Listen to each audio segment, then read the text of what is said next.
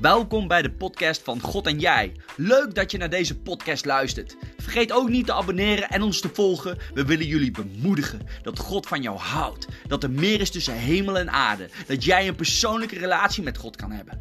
Vergeet ook niet onze website te checken: www.outreachzutphen.nl. Be blessed in Jesus' name. Dan ben ik aan het uh, voorbereiden. En dan, ja, dan ontvang je wel dingen allemaal, maar je weet niet, oh, ontvang ik dit voor mezelf? Waarvoor ontvang ik dit? En uh, ja, dat schuurde een beetje. En vanochtend ineens ontving ik de preek. Dus ik moest helemaal even weer, uh, hoe zeg je dat? Ja, dingen opschrijven. Maar gelukkig was het mooi weer. Ik kreeg een lekker kopje koffie van mevrouw in de zon.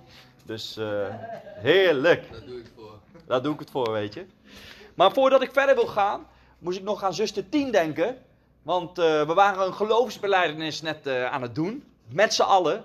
En toen ging ook door me heen. Nou, dit zijn eigenlijk de enigste voorwaarden om een kind van God te zijn. Om ook geestelijk geboren te willen worden. En zuster 10, ondanks ze misschien al een, leeftijd heeft bereikt. Dat ze al uh, hè, veel generaties dingen zelf heel erg kan leren. Heeft ze toch gekozen om geestelijk geboren te worden, hè, zuster 10? U bent watergraf ingegaan, hè? U, u heeft zich laten dopen. Ja, en uh, ja, gewoon, uh, ik, ik, ik, ik, ik wil je een applaus geven, want dat is een dappere daad. Echt waar, een dappere daad. Daar is uh, de tegenstander niet blij mee. En op zo'n leeftijd, wat een voorbeeld. Om mensen te laten zien, het maakt niet uit wat voor leeftijd je in het vlees hebt. Maar om de geestelijke geboorte in te gaan. Geloven dat Jezus Christus zoon van, zoon van God is gekruisigd is voor, voor je zonde en uit de dood is opgestaan. Dat zijn de enigste dingen die, die God wil horen van je om het watergraf in te gaan. Waarom zeg ik het watergraf? Want eigenlijk, als je het water in gaat, dan zeg je: Ik wil aan mezelf sterven. Ik ben klaar om niet meer alleen maar vanuit, vanuit het vlees te leven, maar dat wat de Bijbel zegt. Geloven in het kruis van Jezus. Het kruis op mij te nemen en te sterven aan mezelf, te leven voor God. En dat is niet alles.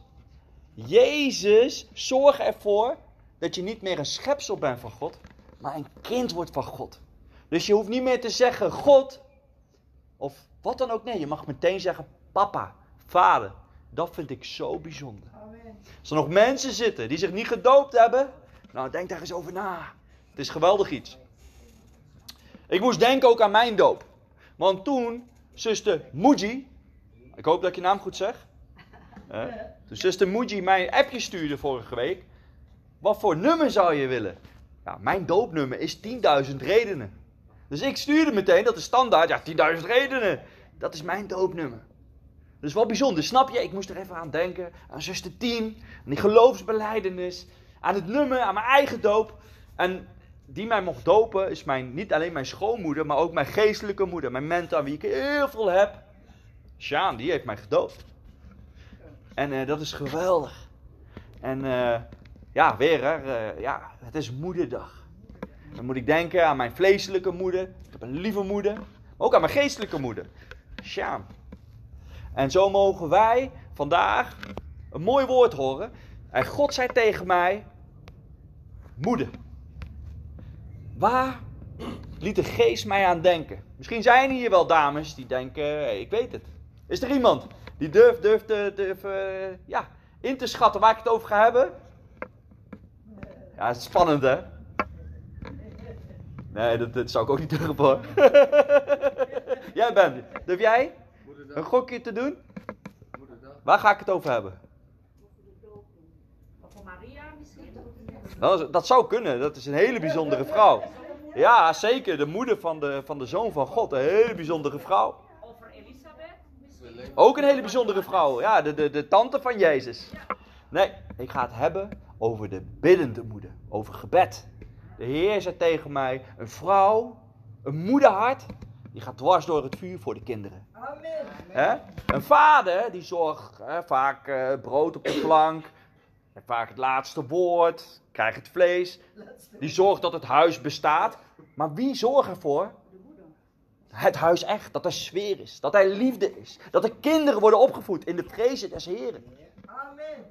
Zijn toch vaak de moeders. Daarom zie je ook vaak hè, dat vrouwen soms God beter verstaan dan mannen. Mannen moeten het echt leren en vrouwen hebben vaak al die gaven.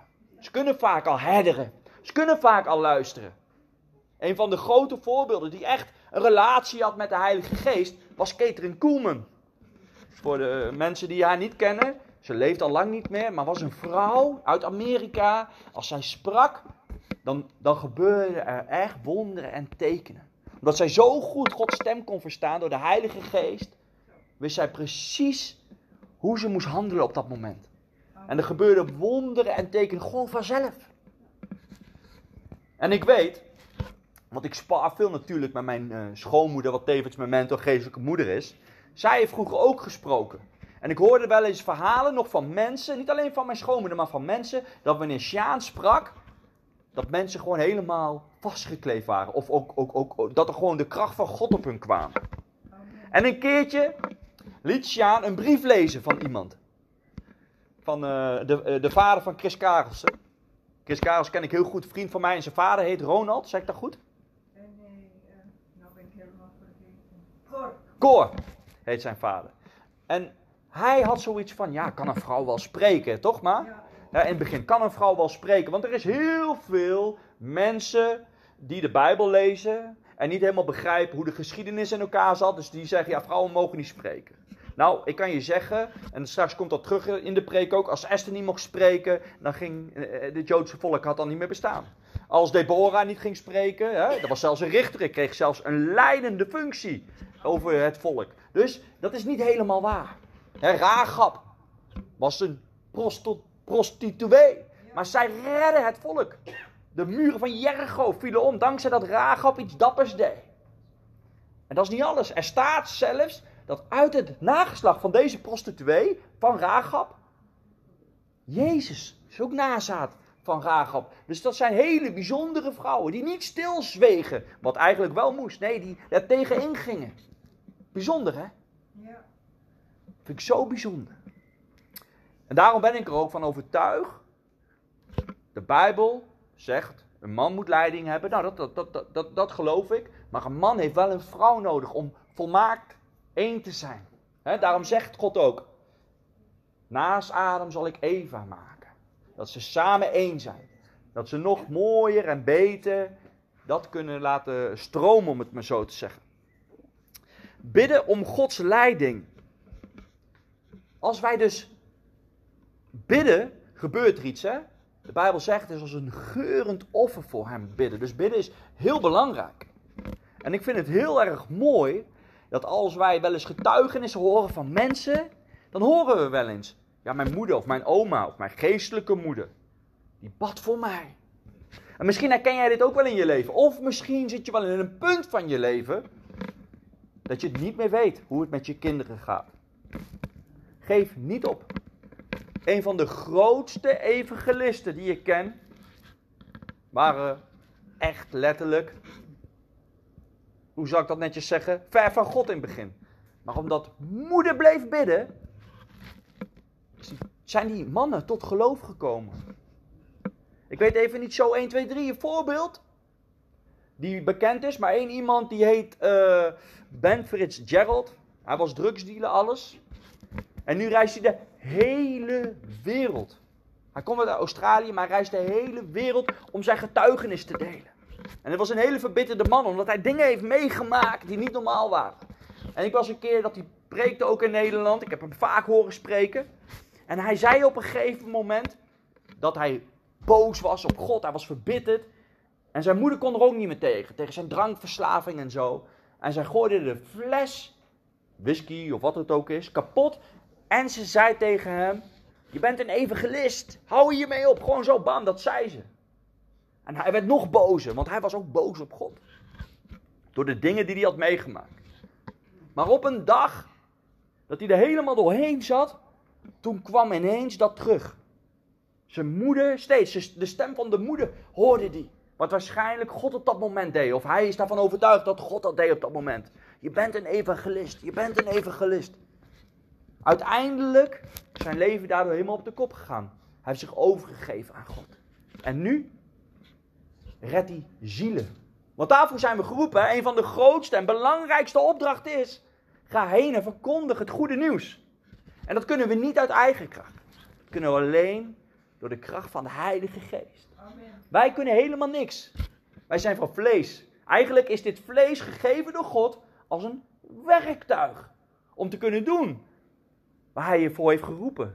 Want het draait allemaal uiteindelijk om jouw geest. Dat jouw ziel gered wordt door deze geest. Daarom is Jezus gekomen. Daarom is het zo belangrijk om mensen te vertellen over Jezus. Het gaat niet om mij. Echt niet. Het gaat om God. En dan is God, moet je nagaan wat voor, voor religie wij hebben. Daarom is het ook geen religie, het is letterlijk een relatie. Het is alleen maar genade. En daarom weten moeders, en het moederhart vaak ook. Als zal mijn kind een slecht leven leiden, hij moet gered worden. Voor het eeuwige vuur, voor de eeuwige oordeel. En moet je nagaan, als wij straks sterven, en we hebben Jezus aangenomen, hoe hij ook daadwerkelijk is, want er zijn vele geloven of levens, eh, hoe zeg je dat? Levenswijzes. hè? Boeddha is bijvoorbeeld een levenswijze, of eh, New Age is een levenswijze. Dat is geen religie, dat zijn levenswijzes. Hè?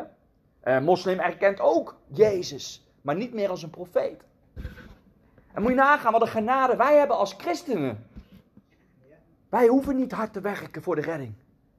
Wij hoeven niet vijf keer of drie keer op een dag te bidden en te vasten voor redding. Wij hoeven geen varkensvlees te laten staan voor redding. Het is allemaal genade. Maar als jij vol bent van Jezus, dan wil je dit. Dan wil je niet vijf keer op een dag bidden. Nee, je wilt 24-7 bidden. Door de Heilige Geest. Je gaat in tongen spreken als je niet meer weet wat je wilt bidden. Dat wordt iets waar weinig over gepreekt wordt. Maar ik, en vooral weer moeders, doen dat vaak. In tongen spreken. Waarom? Je spreekt meteen de taal van God, de taal van de engelen. De duivel kan niet roven en stelen. Het is als een geurend offer. Jij weet zelf niet wat je spreekt. Daarom zegt Paulus ook: Doe dit niet in, eh, altijd in het openbaar, want dat slaat nergens op. Doe dit in je binnenkamer, doe dit voor jezelf, maar bid ook met je verstand. Dan weet je wat je vraagt. En soms loop je vast. En dan is tongentaal als een wapen. Dat wil ik ook echt vertellen. Als je voor, voor je kinderen bidt en je weet niet meer wat je wil bidden, de Heilige Geest weet het in je. Bid dan in tongen. Heb je deze gave nog niet ontvangen? Ga gewoon. La la la la. Er komt wel wat uit. Weet je, laat je niet stoppen. Omdat je denkt dat je het niet hebt ontvangen. Want God wil alles geven aan ons. In overvloed. Dat zegt het woord. Alleen wij denken soms vanuit ons vlees. Omdat we, en daar kunnen we niks aan doen, we leven in de wereld. Wij leren ook dingen in de wereld. Soms moeten we ons zelfs aanpassen, zegt Paulus, bij een Jood Jood, bij een Griek En dan lopen we soms vast. Lopen we vast in paniek. Omdat de wereld leert je als je ziek bent, oeh, paniek. Als dit gebeurt, paniek. Als dat gebeurt, paniek. Maar als wij helemaal tot God gaan, dan gaan we geestelijk denken. Dan voelen we die paniek wel, maar we denken ineens, in de geest ben ik gered. Ik mag alles brengen bij God. En God zal een oplossing geven. Dat doet hij altijd. Kijk maar naar sommige werelddelen waar mensen niks aan hebben. Daar zijn ze nog vurig en nog vol geloof. In Noord-Korea worden mensen letterlijk vermoord als ze christenen zijn of anders gelovig. Maar ze houden vast. Waarom? Omdat ze weten. De geest, daar gaat het om. Die gaat naar een plek waar het goed is. Ik ben er ook van overtuigd. Kijk, sommige mensen nemen soms een bepaalde geloof aan, omdat het hun in het vlees veel voedt. Omdat iemand die dan hun werk kan geven, of een heel aardig persoon is, of weet ik veel wat. En dat is logisch. De meeste mensen moeten ook eerst gepamperd worden door God. Daarom is de eerste liefde ook zo fataal, zo belangrijk. Daarom zegt de Bijbel ook, hou die eerste liefde in leven. En dat is ook belangrijk als we aan onze kinderen denken. Dan mogen we aan ze denken. Hoe goed God is, wat God ze wilt geven. Want zo werkt het. Maar op een gegeven moment wil God ook jou trainen. En dat gaat vaak, daar is de Bijbel eerlijk in, met pijn. Hè? Ik dacht uh, Johannes 15, hoe de boom gesnoeid moet worden. Nou, waarom zou je iets willen snoeien als het er mooi uitziet? Maar toch, als je het snoeit, wordt de talenten daarop nog mooier, nog beter. Maar het ziet er niet uit, de rozenstruik, helemaal snoeien. Hè? Maar toch is het wel wijs om te doen. Nou, zo is het ook in het geloofsleven. Zo is het ook met sport. Als je beter wil worden, moet je heel vaak herhalingen maken. Op een gegeven moment denk je, we slaat op wat saai. Maar toch is het nodig om beter te worden. Ja, Zo is het ook met God. Soms lijkt het wat saai, maar het is even nodig. God is bezig met ons. Met iedereen, met elk mens. Want in principe is de hele mens een potentieel christen.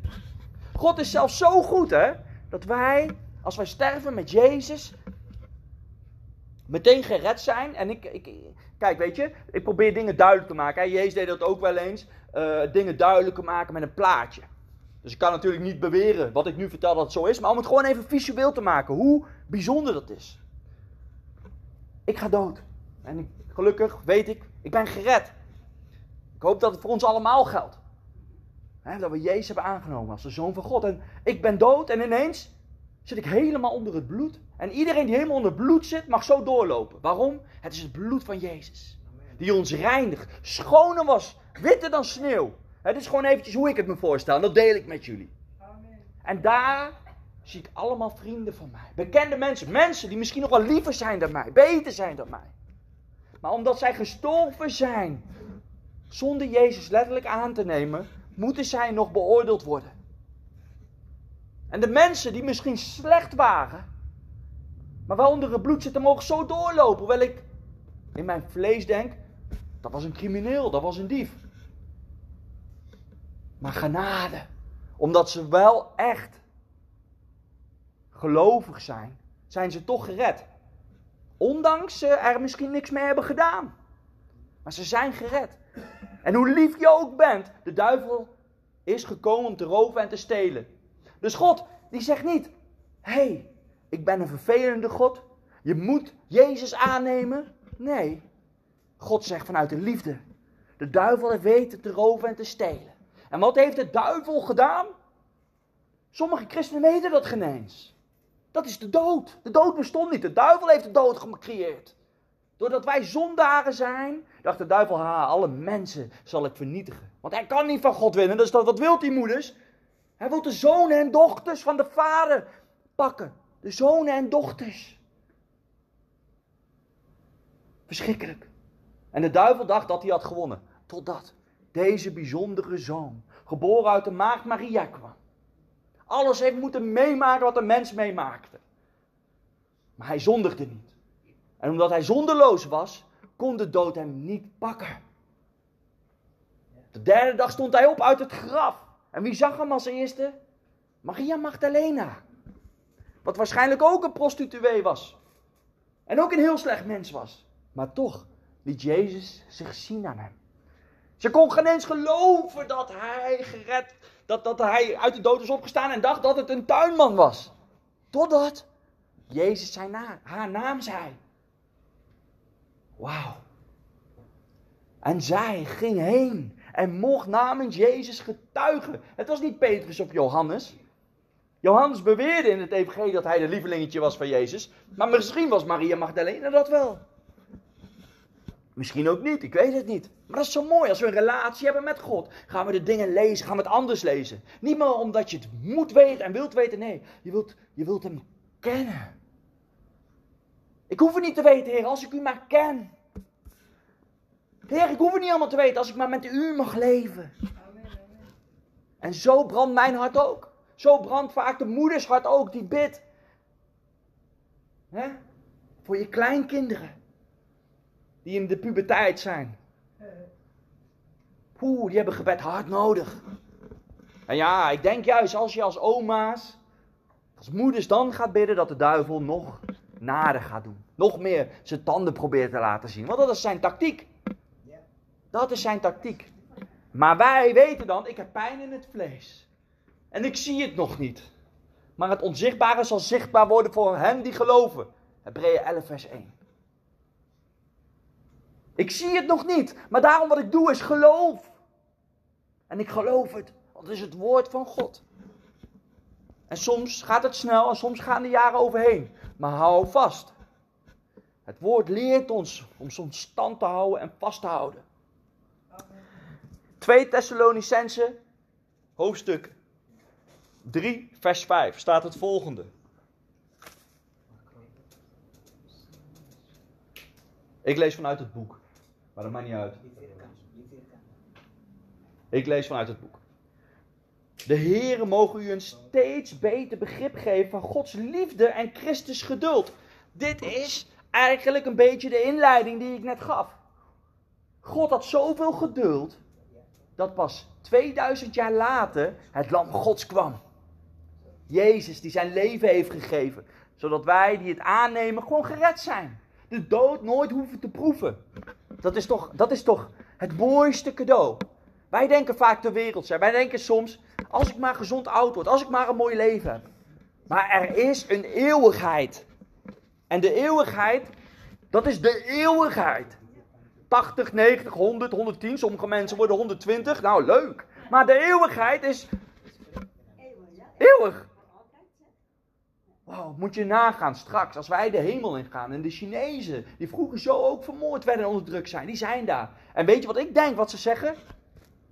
Het was de moeite waard. Ik heb heel vaak gedacht, dit is de moeite niet waard. Maar nou ik hier ben, het was de moeite waard. Daar waar wij straks gaan. Waar de straten van goud zijn. Wow. Daar moeten we voor strijden. Daar moeten we voor bidden. Dat de wereld niet zonder Jezus verloren gaat.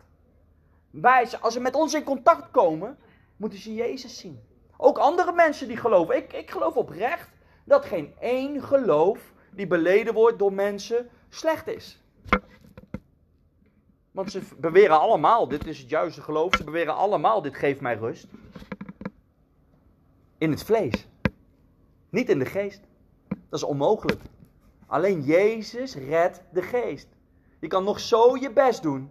Je kan nog zo lief zijn. Maar als je daar door de hemel loopt, zie je toch dat die mensen zonder Jezus, die veel beter dan mij zijn of dan jou zijn, geoordeeld moeten worden. En ik hoop dat ze goed geoordeeld worden door God. Dat is aan God. Maar zij hadden genade kunnen ontvangen. Wow. Genade is zo belangrijk. En wij mogen bidden voor de wereld. Omdat wij bezegeld zijn door de Heilige Geest. De moeders. Die bidden voor hun kind. En zien dat hun kind gered wordt. Wow. Wat een feest. Er is zo'n film, hè? als je die nog niet hebt gezien, echt een aanrader. Al een paar jaar oud is die. Die heet War Room. Hebben, we, hebben sommigen al gezien, die film? War Room? Als je die niet hebt gezien, die zou je echt moeten kijken. Het gaat over een vrouw die christelijk is met haar gezin, maar eigenlijk er weinig mee doet. En op een dag komen ze erachter ja, dat het niet goed gaat met hun.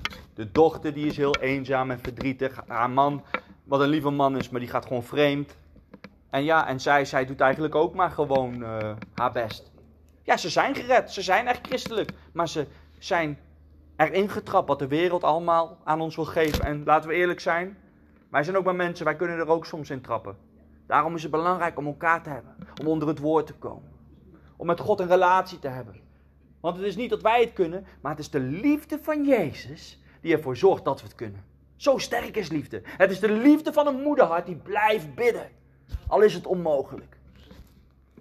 En blijf profiteren tegen de kleinzoon of tegen je zoon, dochter of kleindochter. Jij zal tot geloof komen, want ik blijf voor je bidden.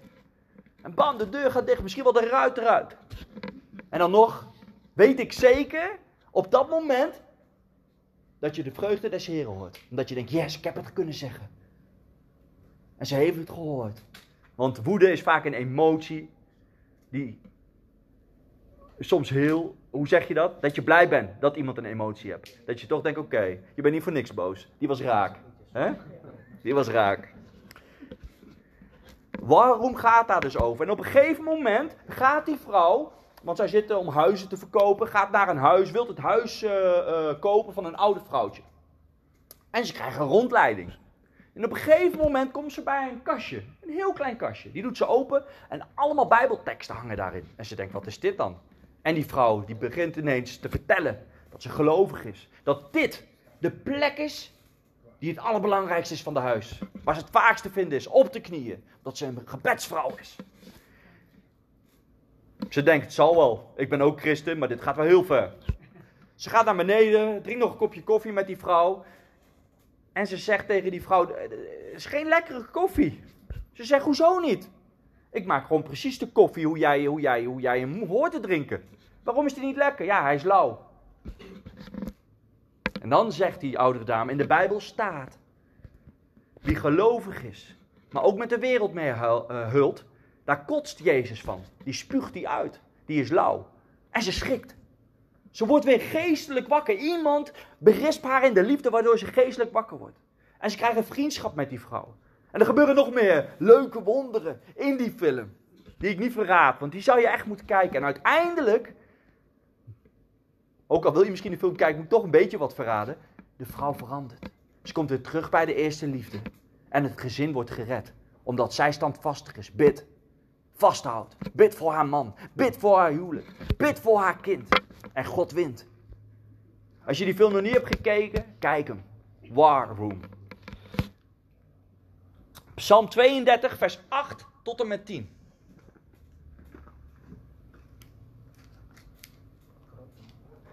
Ik ben mijn bril vergeten.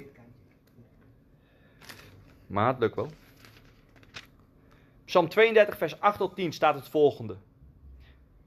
Ik laat u zien welke weg u moet gaan. Ik geef u raad en houd mijn oog op u gericht. Gedraag u dus niet als een paard of een muildier dat met bit en teugels in bedwang moet worden gehouden. Dat wil ik niet. Iemand die zonder God leeft, krijgt veel zorgen en moeite te voortduren. Maar wie op de Heere vertrouwt, wordt door zijn liefde en goedheid omringd. Hier staat niet per se met geld, met gezondheid, met weet ik het allemaal. Dat kan God natuurlijk wel. En soms doet hij het. Maar het belangrijkste is dat je omringd bent door zijn liefde. Dat je weet dat je weet. Hoe fijn is dat wel niet? Mijn zoon vraagt ook wel eens aan mij: Papa, echt waar? En als ik dan zeg ja, oh, dan is hij helemaal gerustgesteld. Nou, wij hebben zo'n vader die nog beter is dan onze aardse vader, hoe lief die ook was. Of misschien, misschien niet. Maar in ieder geval, God, als hij iets zegt, is het zo.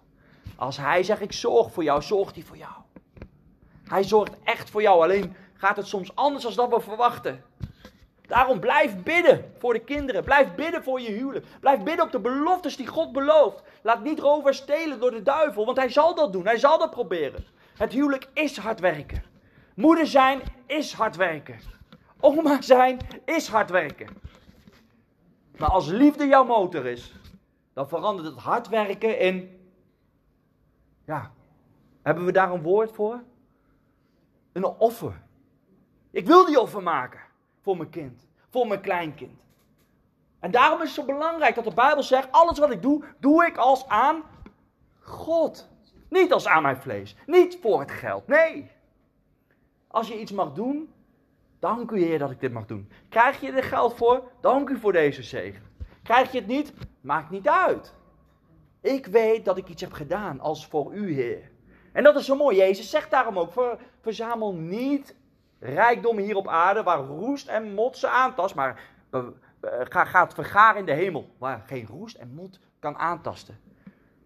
Daar de straten zijn daar van goud. Dat is toch wat? Als hier de straten van goud zijn, dan zijn er veel mensen uh, die denk ik uh, zo'n uh, zo'n zo'n kinderkopje of zo meerippen, meepakken. Huppa. Maar in de hemel is het gewoon normaal. Daar zijn we zo rijk dat er straten van goud zijn. Bizar toch? Wauw. Jesaja 30, vers 19 tot 21.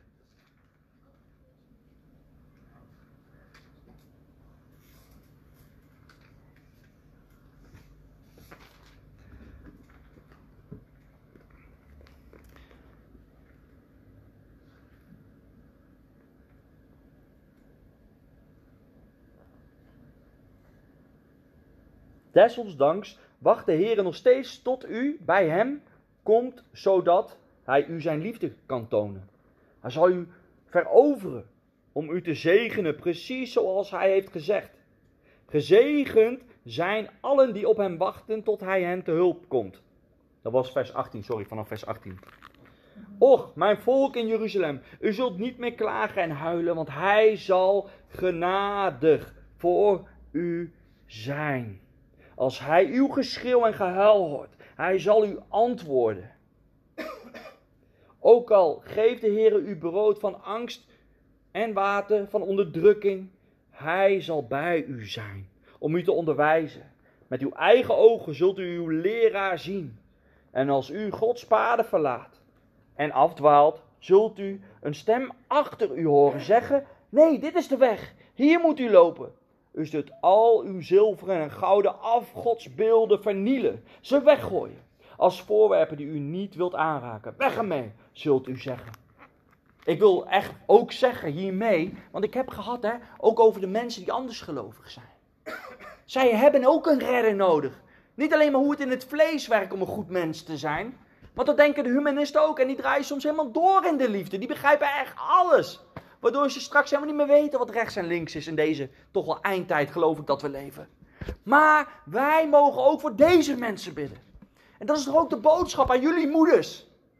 Ook voor mij natuurlijk, ook aan de, aan de mannen wel. Maar ook vooral aan de moeders. Want ik geloof dat een biddende moeder veel sterker is. Ik geloof dat een man, laat ik het zo zeggen, misschien fysiek sterk is.